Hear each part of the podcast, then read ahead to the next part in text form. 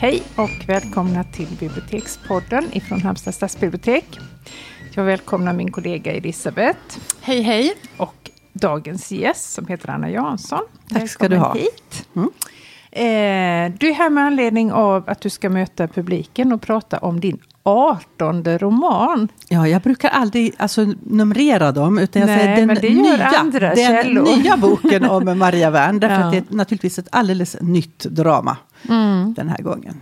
Det du inte vet heter den. Ja. Vill du berätta om den? Eh, ja, det är egentligen så är det ett, kidnappningsdrama. Vi har ju eh, kommissarie Thomas Hartman. Mm. Eh, han har två döttrar. Eh, den äldsta heter Sofie och hon är professor i fysik och eh, global energiförsörjning. Mm -hmm. och dottern Lena som är yngre, hon är väl mest alltså, bohemisk. så här. Hon, hon, är väldigt nöjd med det hon gör, men det blir inte så mycket gjort om man säger så. Mm, okay. Och när man har två så olika döttrar så är det svårt att vara pappa och, och veta mm. vad man ska göra då. Man försöker vara rättvis mot dem, men det går ju inte när de är så olika. Men eh, det jag vill beskriva här, det är liksom en varm pappa, någon som verkligen älskar sina döttrar och lyfter dem, mm. eh, så att de får självförtroende. Och eh, det är en, en hyllning till min egen pappa, mm. som har varit en absolut eh, mitt största fan. Och eh, redan när jag började fundera på om jag skulle bli författare, så satte vi oss ner vid köksbordet, och han berättade de mest fantastiska historier för mig. Mm. han var markvärderingsman, och det betyder att han reste runt på Gotland, där vägen skulle dras fram. Och sen så eh, såg han till så att det blev kontrakt skrivna så att inte allt behövde gå till domstol. Och när jag var barn, då ville jag inte vara på dagis, utan jag ville vara hos min pappa. För han var mycket, mycket roligare. Så jag rymde från dagis till hans jobb och så fick jag sitta där och rita på makulerade blanketter. Och eh, ibland fick jag följa med honom ut på Marklösen, ganska ofta. Mm. Och då lärde jag mig hur man förhandlar. Mm. Eh, det här att man mm. först berättar en massa bra historier och tittar på fåren om de behöver klippas eller om de behöver avlösas med DDT. eller också om eh, ja, hur långt skörden har kommit och etc. Om det blir regn eller inte. Och, och så dricker man kaffe. Sen förhandlar man. Okay, och därefter berättar man fler historier och anekdoter. Så jag mm. har en jätteskatt av historier och anekdoter från min pappa. Plus att vi alltid satt och jag berättade om hur jag tänkte med min bok. Och han, mm. alltså fast han är, var dyslektiker och dyslexin har legat som en grå möglig filt över vår släkt. Mm. Jag har väl en släng av det jag också. Och, eh, eh, men ändå är han, eller var han en lysande historieberättare. Mm. Så att boken är, eh, det skulle egentligen ha stått till min far, den stora historieberättaren, men vi hann aldrig få dit det. Mm. Eh, och han avled då i maj i fjol. Men det handlar då om Sofie som eh, försvinner från eh, stranden i Åminne. Alltså Hartmans äldsta dotter. Och man, han vet inte var hon har tagit vägen och varför. Eh, men ganska snart uppdagar sig att hon, hon var gravid och man vet inte vem fadern var till barnet. Mm. Men det handlar naturligtvis om hennes profession, att hon var alltså professor i, i fysik och global, global energiförsörjning. Och, eh, det är så åt, udda! Ja, åt, åt Region Gotland ja. så, så, gjorde hon eh, alltså en utredning åt dem. Ja. Eh, därför att eh, det var eh, en eh, riskkapitalist som ville ta upp olja på Gotland. Mm. Och, eh, så det kommer upp hela den problematiken med att det är ju bergstaten, alltså en statlig myndighet som bestämmer om det ska mm. tas upp olja eller inte. Och är du en bonde och äger mark och någon eh, riskkapitalist tycker att vi vill ta upp olja på din mark, mm. då, då, kan de med godkännande av bergstaten få göra det. Mm. Och det är upprörande för många bönder. Ja, det är klart. Självklart. Ja. Mm. Men just det här yrkesvalet som jag har hängt upp mig lite grann på, på henne innebär att du måste ha läst in dig på det här ämnesområdet. Ja. Mm. Och gjorde du det då, att nu tänkte jag, nu, eller var det någonting du kunde som du ville få användning eller? Alltså jag, det började med att jag retade upp mig på att, ja. att eh, alltså bergsstatens veto. Att gå in och säga att eh, här kan det borras mm. eh, efter olja på din mark. Mm. Och eh, Region Gotland vill inte ha det här, för på Gotland vill man ha en miljöprofil. Så inte ens Region Gotland kan säga nej egentligen. Ingen kan säga nej, nej till detta. Nej. Därför att annars skulle vi inte få upp någon olja, därför att det finns inga vanliga blåbärsplockare som har råd att betala det. Um, och min, min ståndpunkt i frågan är varför ska liksom vår generation så girigt ta upp oljan när man i framtiden kanske kan göra oerhört mycket smartare saker mm. med den än att mm. bränna upp den. Mm. Såklart. Så att det är väl mm. liksom eh, grunden i det här. Men jag vill också eh, beskriva en, en fars dot, far-dotter-relation när den mm. är riktigt bra. Mm. Och vad det betyder för en, en självförtroendet hos kvinnor att ha en pappa som säger att du är som en riktigt bra grabb. Mm. ja, för det, det, det finaste man kan vara ja, nästan. Nej, men det sa min pappa ofta. Och, mm. och eh, Ja. ja. Men du, du tangerade det här lite innan i det du berättade nu om, om det här med ditt yrkesval, att han liksom peppade dig jättemycket för mm. att du skulle bli författare. Men vi läste också på lite grann att du först utbildade dig till sjuksköterska. Ja, men det var nog för att han slog sig så mycket. Han sa att han, behöv, han behövde någon som var sjukvårdskunnig mm. och, och en jurist. Mm. Så att brorsan blev jurist, jag blev sjuksköterska då. Ja. Eh, och mamma var sjuksköterska. Mm. Eh, och eh, hon lever fortfarande. Men, men, hon har jobbat hela sitt liv som sjuksköterska. Och hon sa väl, när jag var liksom tonåring och i så proteståldern. Mm. Så sa hon, bli aldrig sjuksköterska. Nej, det ska jag bli. Då, blir och då blev jag sjuksköterska. Och så mm. visade det sig ganska snart att jag tålde inte att se blod i någon större omfattning. Och det kan ha berott Var det en komplikation? Det var en komplikation. Mm. Därför att, att jag svimmade när vi var på operation. Eh, alltså man fick ju klä om sig sterilklädd, tvätta sig sterilt, eh, klä på sig sterila kläder. In, mm. svimmar i kull på det skitiga golvet, ut, kravlar ut och får börja om, av med kläderna, tvätta om sig från början. Oh. På med nya sterila kläder, försöka mm. stå där utan att svaja. Mm. Och det gick ju inte särskilt väl. Eh, men däremot så gick det, jag, jag, jag har lättare att hantera ångest. Mm. Så att jag hamnar på medicinsidan och mm. jobbat, har jobbat 25 år eh, på, mestadels på lungmedicin med lungcancerpatienter. Mm. Och där slapp du blodet? Nej, utan jag, jag lärde mig ta artärgaser till slut. Så jag fick, alltså, det är en läkaruppgift att man, man får sticka ja. i en artär för att se hur, hur patienten syresätter sig. Eh, så att jag, jag, lärde mig väl det så småningom. Men det mm. var att, i början när vi skulle ta blodprover, det var sån här Wasserman-teknik. Det vill säga att man stack in nålen, sen höll man ett rör under som det fick droppa ja, ner i. Det var lite mycket för mig. Liksom. Ja. Nu är det ett slutet system. Och, och Men du vande det alltså aldrig? Vid blodet? Jag, jag, inte i några större mängder. Inte, jag, jag, och, och, sen hade jag, jag har alltid haft väldigt lågt blodtryck. Mm. Och när jag gick på sjuksköterskeskolan så prioriterade jag att köpa högklackade skor framför mat. Mm. Eh, och det gör att jag var, var, kanske ganska undernärd om man åt mm. den här mm. lilla lunchsoppan mm. eh, dagligen och så köpte skor för pengarna. Så, så det bidrar till det låga blodtrycket? Ja, precis. Ja. Det, det, kan också bidra till, till, att jag svimmade och, och ja. Mm, men du jobbade 25 år som sjuksköterska och så skrev mm. du parallellt då något tag? Eller ja, du, ja. Sju, sju, år skrev jag parallellt. Ja. Eh, dubbeljobbade mm. eh, och skrev Maria Wern. Och det betyder att jag kände nu att jag har lite, lite extra kapacitet då utöver att, att eh, för jag menar, om jag kunde dubbeljobba och skriva Maria Wern så kan jag skriva två bokserier till. Mm. Då är jag uppe, för nu då är jag uppe i landstingstempo. Jobbar du bara som författare då? ja. Mm. Men, men hade du känt på dig från början sådär, när du var barn att, att det här med att skriva att det var något? Absolut inte. Utan inte, jag nej. hatade att skriva när jag var liten. Okay. Därför att jag hade, jag hade alltså säkert en släng av dyslexi, eller har det. Och mm. Eh, alltså mitt första manus som jag skrev, det lämnade jag till min moster som var speciallärare i svenska. Mm. Hon sa att det var det jävligaste hon någonsin har sett under hela sin yrkesverksamma tid. och, och, nej, men det fanns ett rättstavningsprogram mm. på den här och jag skrev och jag skrev. Och mm. när hade kommit upp i 180 000 tecken så upphörde den här funktionen för att system, det kom upp det stod systemet upphör, eh, funktionen överbelastad.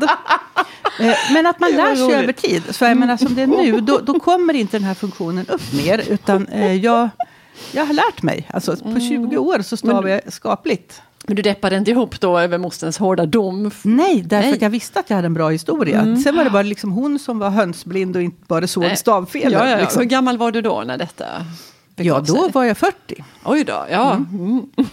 38 kanske jag var. Ja, mm. Något sånt. Men du, du hade de här berättelserna som ville ut då till varje pris? Ja, det var alltså, så det började? Att, att berätta, att på något vis att kommunicera. Mm. Innan dess så skrev jag, eh, alltså tonsatt och skrev en del musik. Ja, just det. Eh, jag har målat en del, jag har, har hållit på med taktil massage. Jag har, och allt det där är olika sätt att kommunicera på. Mm. Men jag har mm. alltid också älskat att berätta och att mm. lyssna på bra berättelser. Mm. Och det har liksom, när, när jag skriver så stavar jag fel. Jag vänder på P, B och D och eh, bokstäver vänder jag på väldigt hög grad. Mm. Och ser inte att det är fel. Däremot har jag just aldrig fel på meningsbyggnad eller tempos eller någonting annat. Eller eh, disposition av berättelsen. Nej, eller, nej. Det, det, är aldrig sådana saker. Utan, och nu har jag då eh, två döttrar som, som läser korr och min man läser först liksom, mm. innan jag lämnar vidare. Så mm. att, det, det, vi håller hemligheterna i familjen.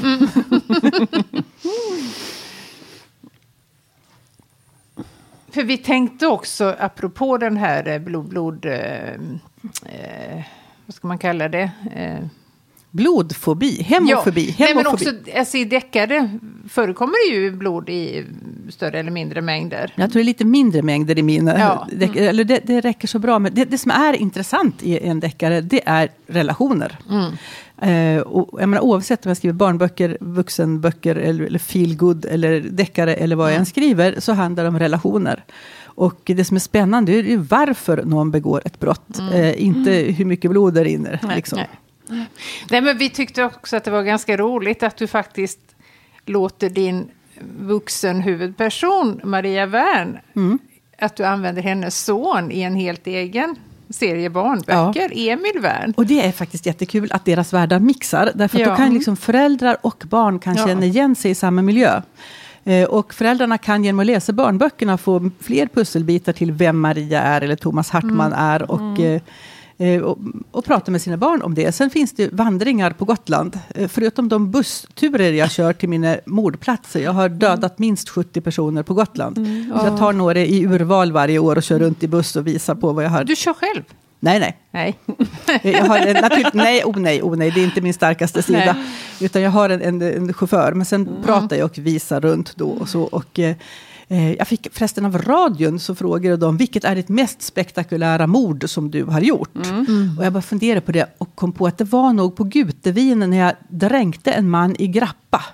eh, I en sån här eh, eh, tunna då som mm. de har. Och, eh, Sen när jag kom ut på, på morgonkulan ur min lägenhet så satt det två ölgubbar på en bänk utanför och sa Du Anna Jansson, vi vill prata med dig. Och jag sa, ja men vad är det för någonting? Jo du, vi vill också bli dränkta i grappa. Ljuvlig död. roligt. Mm, mm.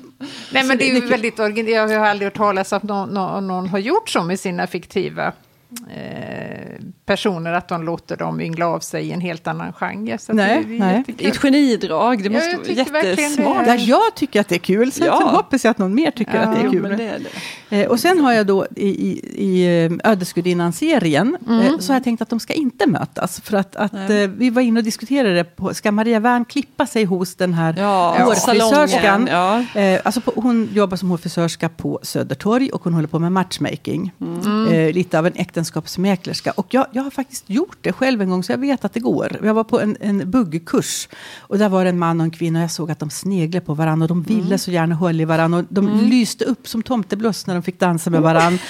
Och det höll på liksom gång efter gång efter gång. Men det hände ingenting för de Nej. var för blyga. Alltså oh. det blev inget med dem. Nej. Och sista gången tänkte jag, det var väl fasen. Kunde du inte hjälpa dem på traven? Det liksom? gjorde jag. Du, ja, ja. Alltså det gjorde jag. Ja. Jag tog dem båda två i hampan och sa, nu går vi på pubrunda.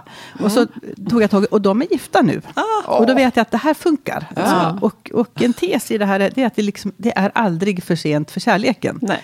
Eh, så jag har ett äldre par som hittar varandra alldeles på, precis som min svärmor när hon var, var hon 87, så hittade hon en man som var 84. Och hon var lika så här förliffnatt förälskad mm. som man kan bli när man mm. är alldeles ung och tonårig. Säkert. Och liksom duger jag och varför kommer inte kläderna jag har beställt på postorder? Och de kan inte låta bli att ta på varandra. Och hela det underbara mm. i att det känns likadant inuti mm. att bli förälskad om man är 84 eller om man är 14. Mm. Säkert är det så. Eh, men det, om vi återvänder till Maria Wern lite då, du har ju skrivit flera böcker om henne. Vad har mm. du för relation till henne? Är ni liksom som kompisar eller lever hon sitt eget liv sådär som vissa författare säger? Att, ja. snarare, snarare så, men, men att ja. oftast är det ju en, en, jag börjar i känslan, det finns en sorts grundberättelse som det här med oljan och ja. eh, vårt, vårt ansvar för miljön i vår generation. Och det, det är väl liksom själva grundfrågan. Sen använder jag Maria Wern och gänget som dockor i ett dockskåp och spelar upp det här. Mm. Men jag har också alltså en längre tidsplan eller tanke kring Maria Wern. Dels lever hon sitt eget liv, men dels så, så vet jag ungefär vart, vart hon är på väg. Mm. Och eh, redan från början så bestämde jag mig för att hennes mamma har borderline. Alltså, mm. eh, hon har haft en, en, mamma som har varit helt gränslös och mm. därför vaktar Maria sin gräns. Mm. Men jag låter inte det poppa upp för in, in i, vad kan det vara, bok 15 eller något så.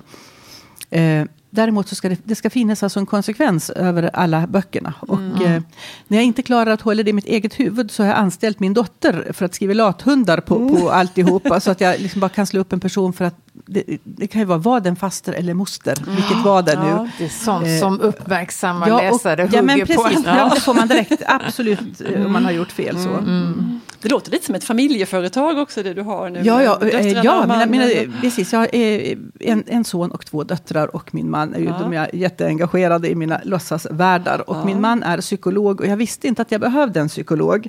Eh, men, men han tycker att det, liksom, det är mer verkligheten jag har problem med då. Jag menar, de här tre världarna har jag väl hyfsad koll på. Men sen Mm. dyker jag upp i, verkligheten och liksom, oj, har vi någon typ av bemärkelsedag idag? Eller, ja. Mm. Ja, det låter fantastiskt. När vi, vi pratade om det, eh, för jag hade läst någonstans, kommer jag inte ihåg vilken författare det var, men som sa det att det här figuren då som hon han hade skapat verkligen blev en egen person. Och då skojar Ja. vi om att undrar om du, om du och Maria, om ni umgås på fritiden. Men vet du, det var, det var faktiskt en läsare som kom på det här. Att eh, jag heter ju faktiskt Anna Maria Angelica. Och eh, Maria Wern har du där och Angelica har du här. Och jag har aldrig tänkt på det. Ah, Ah, Sjukt va? ja, Ja. faktiskt. ja. Så jag, jag tänkte, nej, jag var alldeles ställd då. För jag tänkte, det, såklart. Och, och det är klart att de har, hu- i, jag kan ju inte lägga andra åsikter hos huvudpersonen än de jag har själv på något sätt. Utan det här får ändå vara mitt budskap, eller det jag står för, det lägger jag i, i huvudpersonen. Ehm, men sen så kan de ha egenskaper som jag önskar mig till exempel. Så Maria Wern har väl mera tålamod än vad jag har. Och ehm, ja, så. Ja, det låter fantastiskt. Kul verkligen att ha den makten över en annan person, eller vad man nu ska kalla det. Eh, vi pratar också om begreppet deckardrottningar, eh, som ju används ganska flitigt i Sverige. Ja, är men ganska- jag är inte skyldig till det. Jag är sjuksköterska, inte litteraturvetare. Nej. Och, Nej, men så tänkte jag att vi får i alla fall eh, kolla upp lite vilka som räknas in bland de här deckardrottningarna. Och du var ju faktiskt en av dem. Absolut. Det fanns någon ganska spektakulär bild som Expressen hade tagit. för väldigt länge sedan, ja. Ja, det var ganska länge sedan. Mm, det, var, det var ganska märkligt. Alltså, vi skulle dit och de sa ta med långklänningar, Mm. eh, inte någon svart, utan det räcker att ni tar med en två, tre av era långklänningar. Jag tänkte, vad har jag? Jag har en nattsärk som är lång. eh, och så här, så det var ju eh, väldigt... Och, och, eh, ja, men jag, jag var fa- faktiskt iväg och köpte en långklänning då till den Mm. här fotograferingen. Och sen var det då när vi var ute på någon, någon eh, byggarbetsplats. Ja, det såg ju mer slottsmiljö Nej, det var i slottsmiljö. Ja, den var i slottsmiljö. Men det var- det var en annan fotografering också. Så vi var ute, eh, de hade lånat ihop fina kläder och så skulle vi ha dem på den här fotograferingen. Och så var vi ute. Vi fick stå på någon sorts presenning på något oljenerkladdat hamnområde. Medan Åsa Larssons mops hoppar omkring i allt det där. Nej, för det var ju du och det var då Lisa Marklund, det var eh, Marie Ljungstedt, det var Camilla Läckberg naturligtvis. Eh, Karin Wahlberg, Åsa Ja, Nilsson. Men det visade sig i alla fall att det, det uppstod en diskussion runt det här begreppet och att ni då inte var helt förtjusta i epitetet deckardrottningar. Eh, Man säger liksom inte rörmokarkung. Nej, och man Eller säger inte deckarkung heller. sjuksköterskedrottning. Nej. Eh, Nej. Alltså så att det, det, det, jag tycker att det... Nej, det har Jag, jag tycker inte om det. Jag tycker inte om det som, som begrepp. Nej, man säger ju inte deckarkungen Stig Larsson. Liksom, Nej. Eller, Nej, eller, Nej. eller om andra yrkeskategorier Nej. säger man inte heller Nej. drottning eller läkarkung. Eller, Nej. nej. Nej. Men eh, oavsett vad man benämner det så är det ju ändå ett eh, fenomen som har uppstått i Sverige. Att det är extremt många eh, framgångsrika kvinnliga Jag tror fortfarande att det är, i alla fall sist jag hörde, så var det fortfarande fler män som skriver Ja. deckare än kvinnor. Men kvinnorna har lyckats väldigt bra Ja. i Sverige. Mm. Eh, och när jag började skriva, då var det faktiskt bara eh, Inge Frimansson som skrev deckare. Oj. Eh, och sen så kom Lisa Marklund. Ja. Eh, och sen hade de något eh, pris som de instiftade som hette Polonipriset som skulle ges till Ja, kvinnliga det. deckarförfattare därför det, det fanns just inga. Nej. Så att det var Deckarakademin tror jag som lockade fram. Mm. Mm. Men jag tror att, att eh, annars så tror jag att de här kvinnorna skulle kanske ha skrivit fast i någon annan genre. Mycket möjligt. Mm. Umgås ni sådär? Är du kompis med någon annan deckarförfattare? Eller hur Ja, vi hade, det? från början hade vi en liten grupp som vi kallar för Blodgruppen. Ja, så Det fint. tyckte vi var kul. Ja, och, ja, det eh, var Åsa. Åsa Nilsson var med där Mm. och eh, Karin Alvtegen och Karin Wahlberg och eh, Inge Frimansson. Mm. Jag, Lisa Marklund och minns inte om det var någon mer, det är hemskt mm. att inte kommer på det plötsligen. Men Nej. det som var bra då, det var ju att vi kunde alltså byta, det var, vi var ganska gröna allihopa, att byta erfarenheter med varandra när det gällde förlagsbransch och mm. kontraktskrivning och mm. Men också om man hade kört på något problem. Som, mm. som, eh, I en period var jag stalkad av en, en eh, person. Och det innebar att jag fick ha livvakt på, på bokmässan och eh, etc. Mm. Och där tog jag hjälp av Åsa Nilsson mm. som är psykiatriker. Så att vi, vi har hjälpt varandra ändå mm. genom, över tid. Mm. Och sen blir det ju alltså varje gång som man har ett, ett framträdande ihop Eh, mm. För men ibland är det bokens dag och de har tre eller fyra författare. Och då, mm. då tycker jag att det är jätteroligt att få, få träffa dem. Mm. Att det är liksom kollegor? Ja, därför att, att författarjobbet är väldigt ensamt. Mm. Alltså det handlar om att sitta 800 timmar på sin bak. Mm. För en bok. Mm. Du, hur gör du? Är du så disciplinerad och skriver lite varje dag? Stiger upp och liksom sätter dig och skriver? Alltså jag går upp halv sex och sätter mig och skriver i nattsärk med en kopp kaffe och två ostmackor. Ja.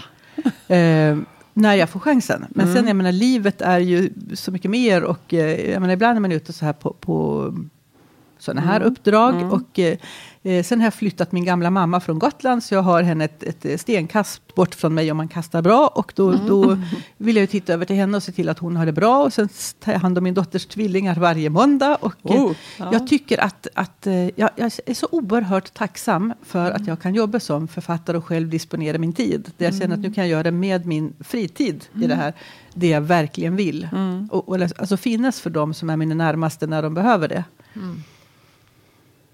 Mm. Uh, du, du är ju jättepopulär, det är ju en underdrift att säga. Och när folk kommer till biblioteket, bara, Åh, var är Maria Wern-böckerna? Liksom, frågar de redan mm. vid ingången ibland. Har du någon teori om, om vad det är som gör dem så populära? Vad, vad tror du det är som slår an? Ja, hur, hur ska jag veta ja, det? Nej eh, men, nej, men jag tror, jag mm. tror också att, att i och med att jag börjar i känslan, jag börjar med det som starkt berör mig, mm. som jag blir upprörd eller eh, som jag vill berätta om för att jag tycker att det här måste folk veta, eller det här eh, vill jag beskriva när jag ser, eh, oftast handlar det om relationer, det här vill jag beskriva. Och jag, jag tänker att det finns många som känner igen sig i det. Mm. Och det är bland det finaste också när jag möter läsare och de säger att precis det här eh, rörde och berörde mig. Mm. Och någonstans tror jag att det som går från hjärtat som är sant mänskligt mm. rör och når andras mm. hjärtan. Mm. Mm. Men hur många fler böcker om, vet du det? Nej. Nej. Nej, och, jag, jag, jag, nej, och jag, jag, jag gör aldrig ens synopsis. Jag gör ingenting annat än nu. Liksom. Oj, mm. Så jag, jag, jag eh, lovar ingenting i förväg och jag, jag skriver det som jag...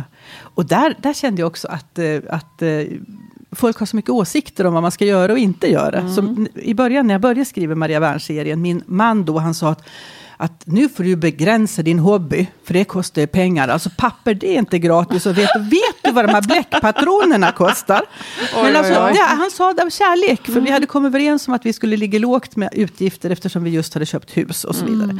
Mm. Eh, och sen efter några år så blev jag, det var Rabén och Sjögren frågade om jag ville skriva barnböcker. Mm. Och jag tänkte att ja, det vill jag jättegärna. Jag kände mig så superpepp så jag skrev sex böcker på raken. Och eh, då tyckte min mamma, men kan du inte, liksom, nu går det ju bra det här med Maria Wern, kan du inte koncentrera dig ja. på, på, och, och, och, mm. på att skriva bara Maria Wern? Mm. Och så gick det ju himla bra med barnböckerna också. också. Eh, och sen så för tio år sedan så gick min man bort och jag träffade en ny man. Och sen kom jag på den lysande idén att jag ville skriva om en hårfrisörska som höll på med, ja, var lite av en äktenskapsmäklerska. Mm. Jag sa att den måste heta Ödesgudinnan på Salong d'Amour. Jag menar som ödesgudinnorna i nordiska mytologin mm. som flätar samman människors öden. Du knäckte titeln innan du hade skrivit boken? Ja, ja, ja. för jag visste precis. Jag visste precis ja. och jag kände mig så inspirerad. Och han sa, det var en riktigt kass idé, sa han. och då har jag lärt mig att när männen i mitt liv misspeppar mig, då är jag på rätt väg. Ja, inga bra rådgivare, låter det Nej, som. men och det är inte för att de inte älskar mig eller Nej. älskade mig, utan det är för att det här sker en förändring. Mm. Och, och det kan vara hotfullt om det sker en förändring, mm. särskilt om man just har köpt hus. Eller, mm. mm. Men det är klart. Men du, det här med, med barn och ungdomsböcker, det var liksom ingenting som du hade tänkt så mycket på tidigare? Eller? Nej, däremot Nej. så har jag varit detektiv i Visby när jag var liten. Mm. Så att jag har, eh, man kan säga att jag har, har gjort ordentlig research. Ja. Eh, så att det är mitt Visby från, eh, vad kan det vara, 60-70-tal. Mm. Ehm, där vi hade en detektivbyrå i ett lusthus i Botaniska trädgården och spanade på misstänkta. Och, mm. Eh, så att han använder modern teknik, eh, Emil. Men, men annars, de byggnader och de funktioner som liksom fanns, då DBVs bank, Sparbanken och så vidare, det, det finns kvar mm. i böckerna. Mm. Ja. ja. Är det något mer som du vill berätta i podden som vi inte har frågat dig om som du känner att det här vill jag skicka ut till våra lyssnare? Mm. Eh, mm. när det gäller den här Feelgood-serien mm. så det börjar ju med Ödesgudinnan och nu är det en bok eh, ute som heter Svärmödrar utan gränser. Och för jag tyckte det. det var så spännande med den här liksom, svärmorsrelationen. Mm. Att eh, det, är liksom, eh, det är en person som bara ramlar in i ens liv som ska ha en väldig massa åsikter om det man gör och det man mm. är och som man förväntas samexistera med som man aldrig har valt. Eh, och får man barn så blir det rakt i nyllet. Liksom. Mm. Då blir det ännu mer ko konflikter eh, kring det här. Och, eh, eh, lite tänkte jag också på min svärmor och, och vår väldigt olika syn på, på eh, barnsäkerhet eh, och bil, i, bilar och barn i synnerhet. och det här. Men som sen kom att betyda så oerhört mycket för mig. Mm. och särskilt när min man gick bort så hörde vi av oss till varandra varje dag för vi behövde varandra. Mm. Och det blev väldigt varmt och väldigt starkt. Mm. Ehm, så det, är lite om det. Och nästa bok i serien eh, kommer att heta Kärleksdans i obalans och det handlar om bipolaritet. Mm. Eh, så att jag på något vis vill jag med de här feelgood-böckerna ta upp ämnen som jag tror att, att väldigt många eh, berörs och rörs av. Och eh, just när det gäller bipolaritet och som sjuksköterska har jag träffat många där jag har sett att man bär dels tyngden av sjukdomen men också det här att man ska dölja det för omgivningen mm. som en extra börda. Att man är rädd för hur folk ska eh, tolka det här och se på en mm. och att man måste dölja det på något mm. sätt. Mm. Ja, men det är ett jättesmart sätt att använda de här, att du kan föra ut dina budskap i böckerna och utan att du skriver någon på näsan, utan Nej. de får ju med sig det per mm. automatik. Och det, är, det, det, du säger nu är jätteviktigt, just det att man målar upp en scen ja. och sen får eh, läsaren måste absolut själv få bedöma vad de tycker. Man ska ja. aldrig skriva någon nej, på näsan nej. vad de ska tycka. Däremot kan man måla upp ett, ett skeende mm, som, mm. som de får ta del av. Mm. Mm. Men det är ju det stora fina med skönlitteratur när det funkar. Att det mm. verkligen, det och barn, barnböckerna är också lite av det. Alltså, eh, parallellt med det här så har jag föreläst i etik. Mm. Där jag har haft, eh, jag skrev en bok med 23 olika noveller. Och sen hade jag en statsvetare som hade åsikter om det här. Så vi mm. hade förde en, en dialog mm. kring det här och så. Mm. Eh, men just det här att ha dilemmanoveller, att, att lite av etik också i barnböckerna. Mm. Där man efter varje barnbok så ska man kunna diskutera mm. saker. Ja. Eh, så boken ska inte vara slut när den är slut, Nej. utan då börjar diskussionen. Nej, boken är bara början. Ja. Och du verkar så otroligt energisk, är du aldrig trött? Jo, jag, så, ja, men jag är sån här som, alltså full fart till jag somnar pang. Mm, mm. Ja, men jag somnar pang. Ja. Var det en gåva? Ja, men eh, då tackar vi dig hemskt mycket för att du tog dig tid och Tack prata med oss i podden. Tack Det var så trevligt. Ja, ha det så bra där ute. Hej då. Ja, hej.